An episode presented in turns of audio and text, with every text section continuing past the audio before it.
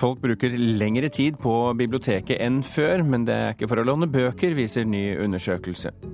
Det vil koste sju millioner kroner å berge kunsten i Rødskolen i Hadsel, Vesterålen, viser et nytt regnestykke, men da må rivingen stanses umiddelbart. Deltakerne i Paradise Hotel er mer bevisste på hva de er med på enn før, sier programlederen før finalen i kveld jenter på 14-15 som bare Å, jeg gleder meg til jeg blir gammel nok til at jeg kan være med på Paradise Del. De som melder seg på nå, vet at dette er et spill. Dette er blant sakene i Kulturnytt i dag, hvor vi også anmelder den nye filmen med George Clooney, 'Money Monster', som vår anmelder mener ikke kommer helt eh, heldig fra det. Publikum bruker lengre tid på biblioteket nå enn før og de fleste er der for å gjøre andre ting enn å låne bøker eller levere bøker. De vil være sosiale, og kommer ofte sammen med andre for å møte noen. Det viser en ny undersøkelse der storbybibliotekene har observert atferden til over 7000 besøkende. Jeg leser på eksamen. Hvorfor valgte du å gå på biblioteket? For jeg konsentrerer meg bedre her enn jeg gjør hjemme. Jeg bare slapper av litt. Jeg skal til tannlege om ti minutter. ja. Jeg skal bare se Rogalands Avis. Hvorfor velger du å komme akkurat her? Jo, for det er jo gratis. Ja. På biblioteket i Stavanger er det yrende liv, men de færreste er der for å låne eller levere bøker. De bekrefter dermed funnene i en ny undersøkelse fra folkebibliotekene i Oslo, Bergen, Stavanger, Kristiansand, Tromsø og Trondheim. Over 7000 brukere er observert i løpet av en uke i fjor høst, for å finne ut hva de gjør når de er på biblioteket. Vi sjekker e-post og surfer litt. Det er et fantastisk sted å være, det kaffe og avis og ja. Ja, nei, her er vi med, med ungene. Så får de bolte seg fritt på, på matta her. Det ligger fint til. Undersøkelsen viser at et flertall på 58% av brukerne verken låner eller leverer bøker under besøket, mens 42 gjør det. Men de er likevel lenger på biblioteket enn før. Folk bruker gjennomsnittlig 47 minutter på biblioteket nå, mot 35 minutter ved forrige undersøkelse i 2007. Og Det betyr òg at vi er viktigere som møteplass og sosial arena enn tidligere. Sier Leikny Haga Indergård, biblioteksjef i Bergen og prosjektleder for undersøkelsen som legges fram på Nasjonalbiblioteket i dag. Den tendensen vi så til at biblioteket ble brukt på nye måter, den har forsterka seg. Nå har utlån av bøker gått litt ned. Det var 46% som lånte bøker i 2007, og nå er det 42 Mens eh, både de som studerer og de som eh, oppholder seg her eh, av ulike andre grunner, det har økt. Altså den sosiale dimensjonen har blitt større. Men de ungdommene Du graver deg inn i arbeidet ditt og så leser, men da går jeg at vi kan snakke fritt om andre ting uten at noen kommer og sier Hold stille. Rapporten viser at om lag en tredjedel er såkalt sosiale bibliotekbrukere. Det betyr at de kommer flere sammen, bruker tjenester sammen eller kommer for å møte andre. Og mest sosiale er brukerne i Stavanger, der denne andelen er på hele 42% mot bare 16% i Oslo. Jeg tror nok eh, særlig det er den nye første etasjen her som vi står nå. Det har jo blitt akkurat det byrommet som vi ønsket å tilby befolkningen i Stavanger sier leder for opplevelse ved Stavanger bibliotek, Anne Liv Tønnesen. Biblioteket tok i bruk første etasje på Kulturhuset for drøyt to år siden, med lyse, innbydende møbler, mange sittegrupper, langbord, aviser og TV-skjermer. At færre tar med seg en bok når de går, bekymrer henne ikke. Fordi Før så kom folk veldig mye på biblioteket. De skulle ha en bok de hadde lest om i avisen. Den var utlånt. De sto på 97 på venteliste, og så gikk de igjen.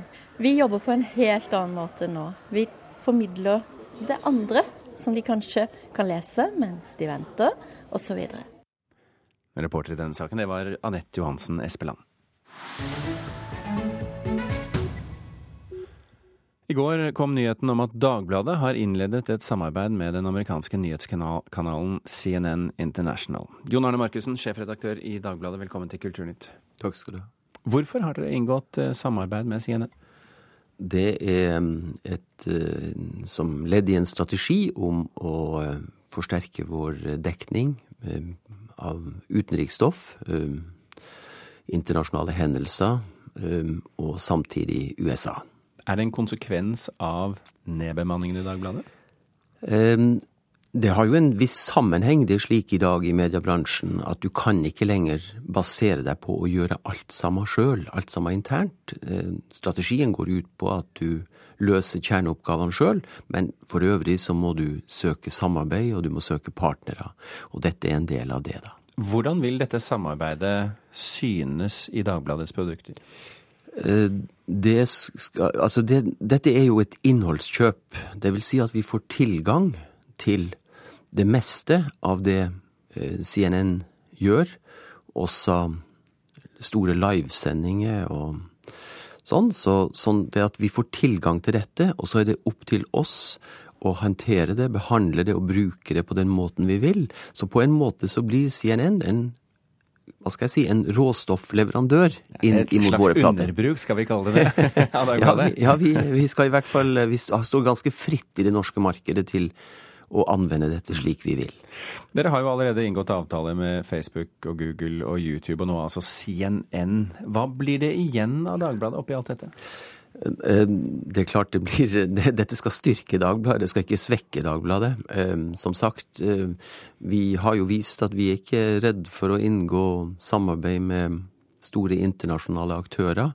Eh, I dette tilfellet så var det faktisk slik at CNN kontakta oss og ville samarbeide med, med oss. Og det kom nok av at vi har en, en relativt sett sterk posisjon digitalt. For det skjer også ting i CNN, eh, noe som jeg oppfatter som en strategiendring der. Hva da? Det går på at eh, CNN, som vi kjenner som en eh, internasjonal eh, nyhetskanal basert på TV, lineær-TV, de tenker mer og mer på hvordan de nå skal utvikle den delen som går på, på web, som går på nettet, og de søker da partnerskap i en del marked på det.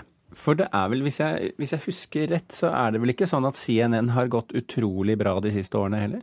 Nei, hvem, det er ikke mange som går bra i mediebransjen, eh, men vi snakker jo om virkelig en gigant eh, som du finner over hele kloden, eh, og som samarbeider med veldig, veldig mange. Men det er klart, i den situasjonen man har i bransjen med at klassisk lineær TV også faller, og web er det nye, så er CNN interessert i å styrke sin posisjon i interessante marked. Men, men er det et paradoks at dere på den ene siden taper lesere i bøtter og spann, men vinner masse priser, eh, og jeg understreker masse priser, for journalistikken, og i tillegg nå inngår alle disse avtalene?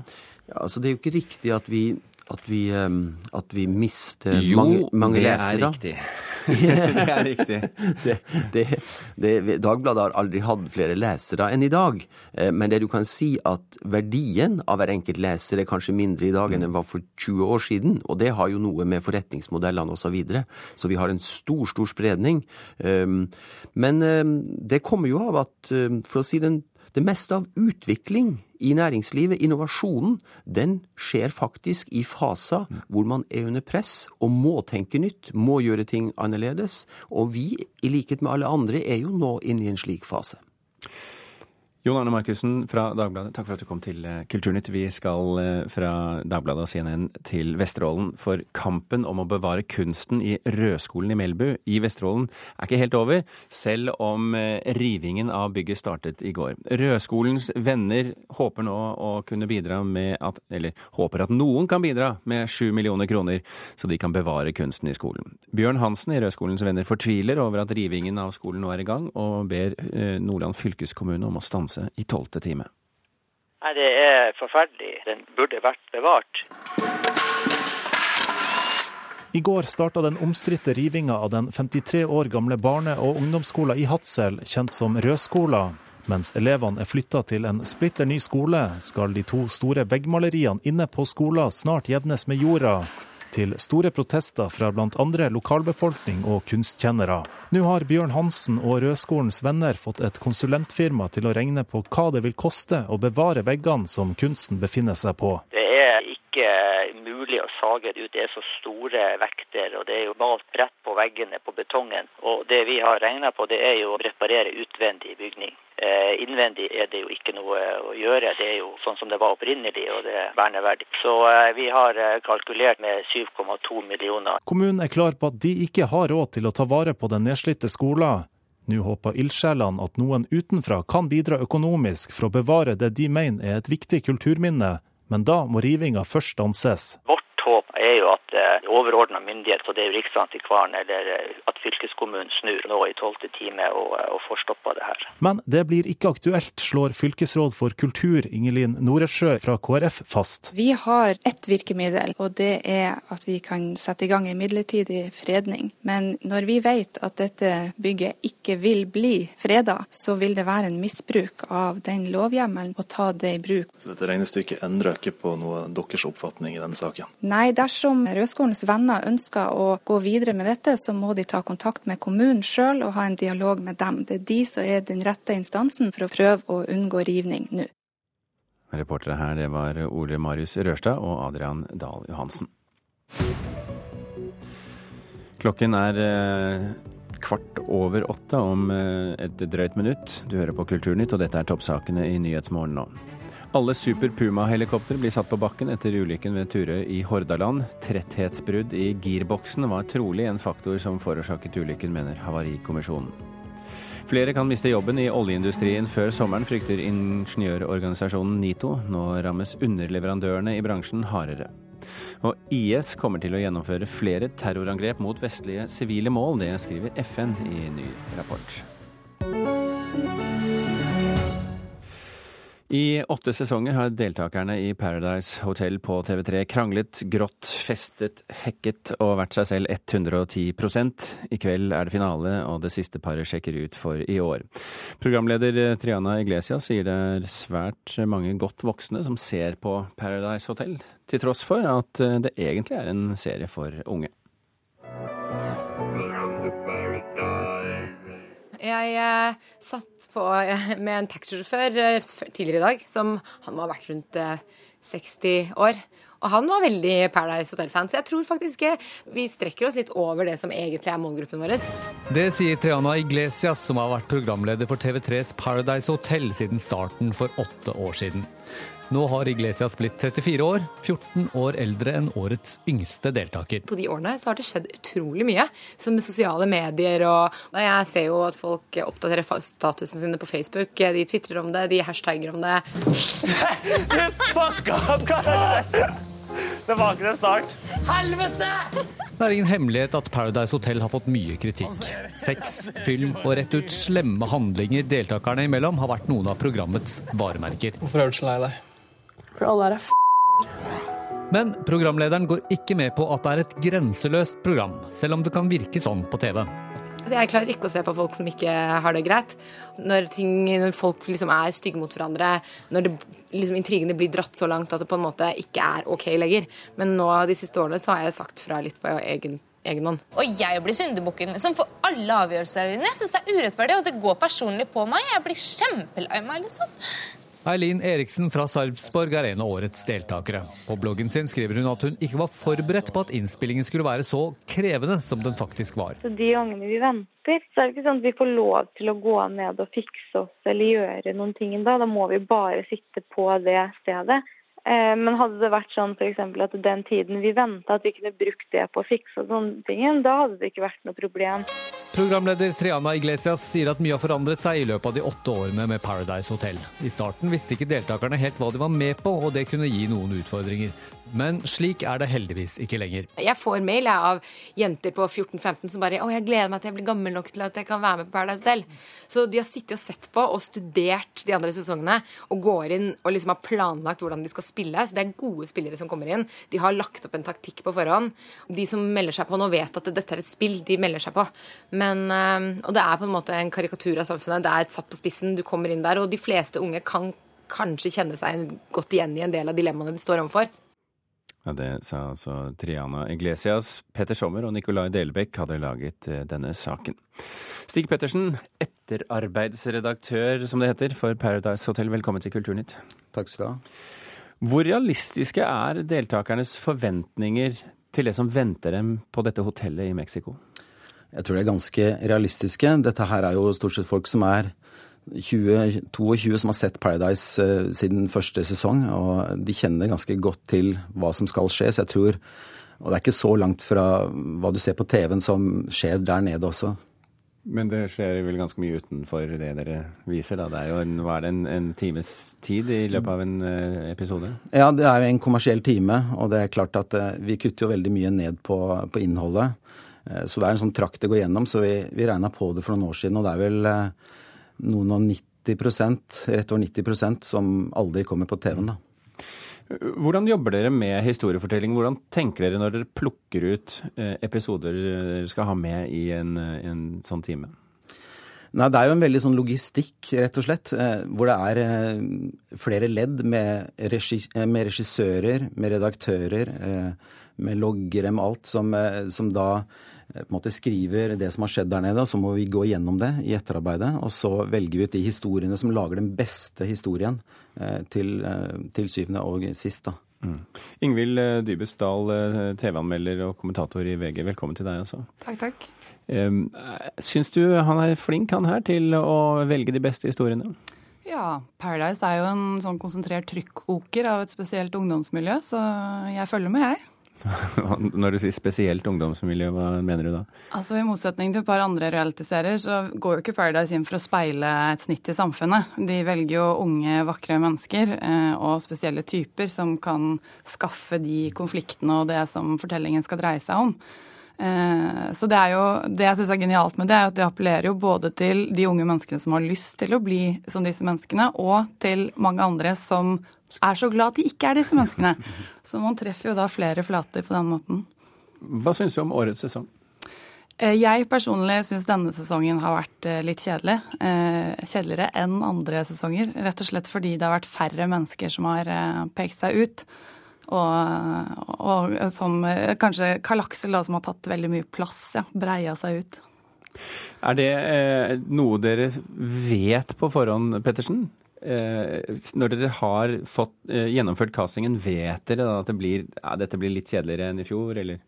Nei, man kan aldri vite hvordan eh, de som kommer ned dit eh, eh, hvordan de oppfører seg når man kommer sammen da, i den gruppa. Det vet man jo ikke. Men man har en Eh, man har jo tro på at eh, de man setter sammen skal fungere bra, og at de skal være gode deltakere.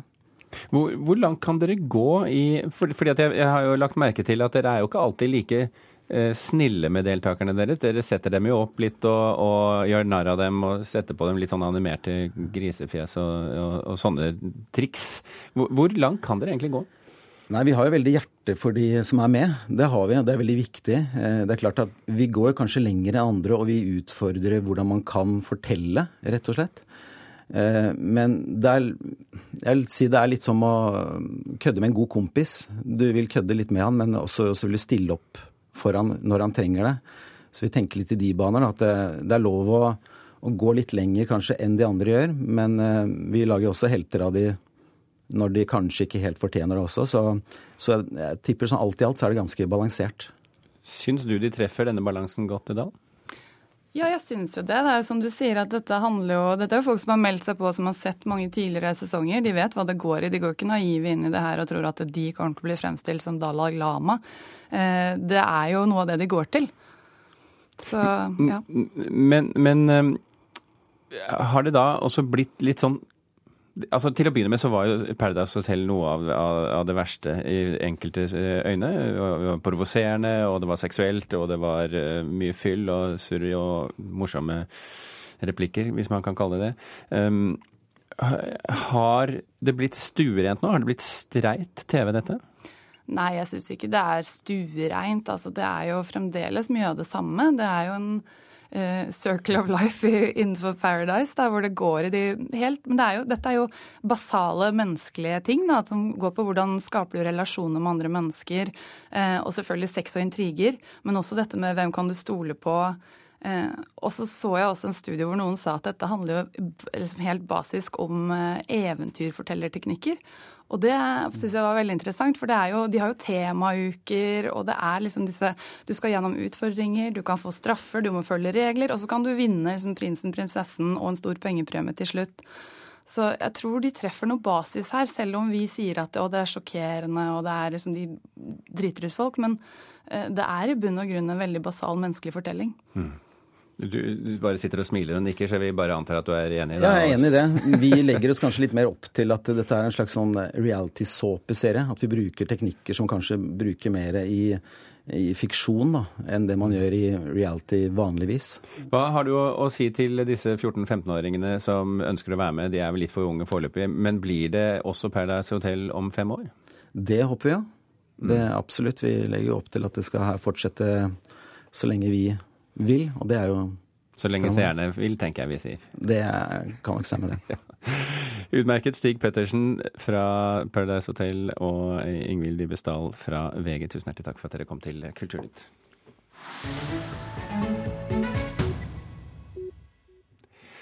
Filmen Money Monster forteller om TV-programmet Money Monster, som pynter på finansnyhetene. Men så dukker det opp ubedt en småsparer med pistol og bombebelte som har tapt alle sparepengene sine, og da blir det liv. Kanskje litt for mye liv for en sånn film, mener vår anmelder Einar Gullvåg Staalesen. Money Monster forteller om virkelige finansakrobater, men filmfakta og innfall tilslører det kontroversielle i historien. Ukens premierefilm handler om en finansskandale, men oppleves som actionunderholdning. Oh, Jesus! Oh, Jesus! En småsparer med pistol kupper en fjernsynssending som formidler pyntede nyheter fra aksjemarkedet. I løpet av hendelsen får vi dokumentert at nyhetene er like råtne som investeringsobjektene. The show is Money Monster. The day is Friday, and the Dow has dropped a seismic seven points this morning. So, what Ready, does that mean for the scream market one. as a whole? Should you, Ready, cheer three. or should you? Roll. Filmen forteller om rike finansfolk som lurer småsparere til å investere i fingerte prosjekt. I denne historien er et dataprogram manipulert. Aksjeverdiene går i været før det blir avslørt at det ikke finnes verdier bak. I mellomtiden er en riking blitt mye rikere, og småspareren med pistol betydelig fattigere. Han med pistolen investerte arven etter mor. Nå ruinerer han resten av seg selv og egen fremtid også. If you're not manning a camera or a boom, get out right now. Stop what you're doing. If you're not, core one. Det er vanlig å lage store filmer som tar tak i store og kontroversielle tema, og så lage filmene slik at de ikke blir kontroversielle selv. Et hensyn i kommersiell film er at man ikke bør bry folk med tunge tanker. Actiondelen med pistol og hele TV-settingen her letter det seriøse trykket. Et hensyn er at noen skal finansiere filmene. De rike satser ikke pengene sine på noe som motarbeider egen virksomhet. Det er et forhold til her som bidrar til at alvoret tilsløres og virkelighetsfølelsen blir fortrengt. Skuespillet. Noen av skuespillerne avsporer totalt. Biroller irriterer. Det gjelder særlig en politisjef og en i rollen som naiv fjernsynsprodusent. Og så en fikser fra finanslivet. Hvem kan tro på slike mennesker? Lee, talk him through this. I don't want him spooked. Kyle, listen. Now, this is Alan. He's our sound guy. He wants to put a microphone on you so you can run. No, it's okay. It's okay. Vi stusser over at en film regissert av Jodie Foster, med George Clooney og Julia Roberts i hovedrollene, og Jack O'Connell i den mest utfordrende rollen, legger inn et sparekutt ved å slumse med castingen til de små rollene. Einar Gullvåg Staalesen anmelder alle ukens filmer i Mørkets opplevelser her på P2. Du kan også høre ham på P1 Pluss og på nettradio og podkast og det hele. Einar Gullvåg Staalesen er overalt.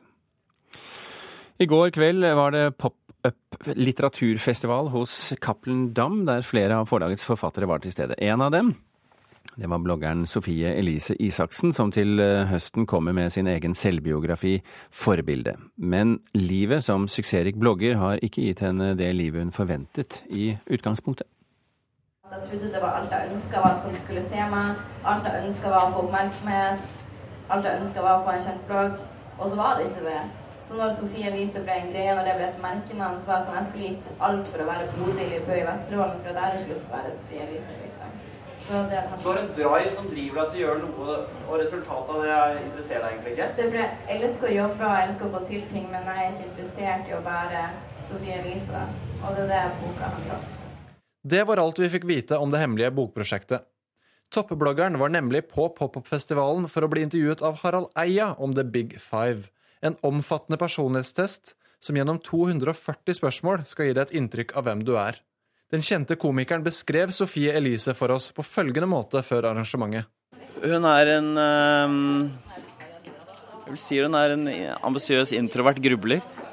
Det betyr at hun er innoverskuende, hun tenker mye på Hun har et rikt indre liv. Og så eh, er hun ikke noe sosial, hun får ikke noe kick av å være sammen med andre. Eh, og at hun er, eh, men at hun har store øyne og møter verden, er nysgjerrig og åpen for rare innfall og sånn. Så, så hun Man ser henne så tenker kanskje at hun er litt sånn der, en litt arrogant person, men det er hun ikke. Hun er lukket. Så nei, hun er litt mystisk. Selv syns Sofie Elise det var interessant å få vite hva slags personlighet hun har. Det var egentlig ganske interessant, fordi at jeg har jo aldri reflektert over personligheten min på den måten. Eh, Det er gøy å se hvordan alt henger sammen. Ja, fikk du noe svar?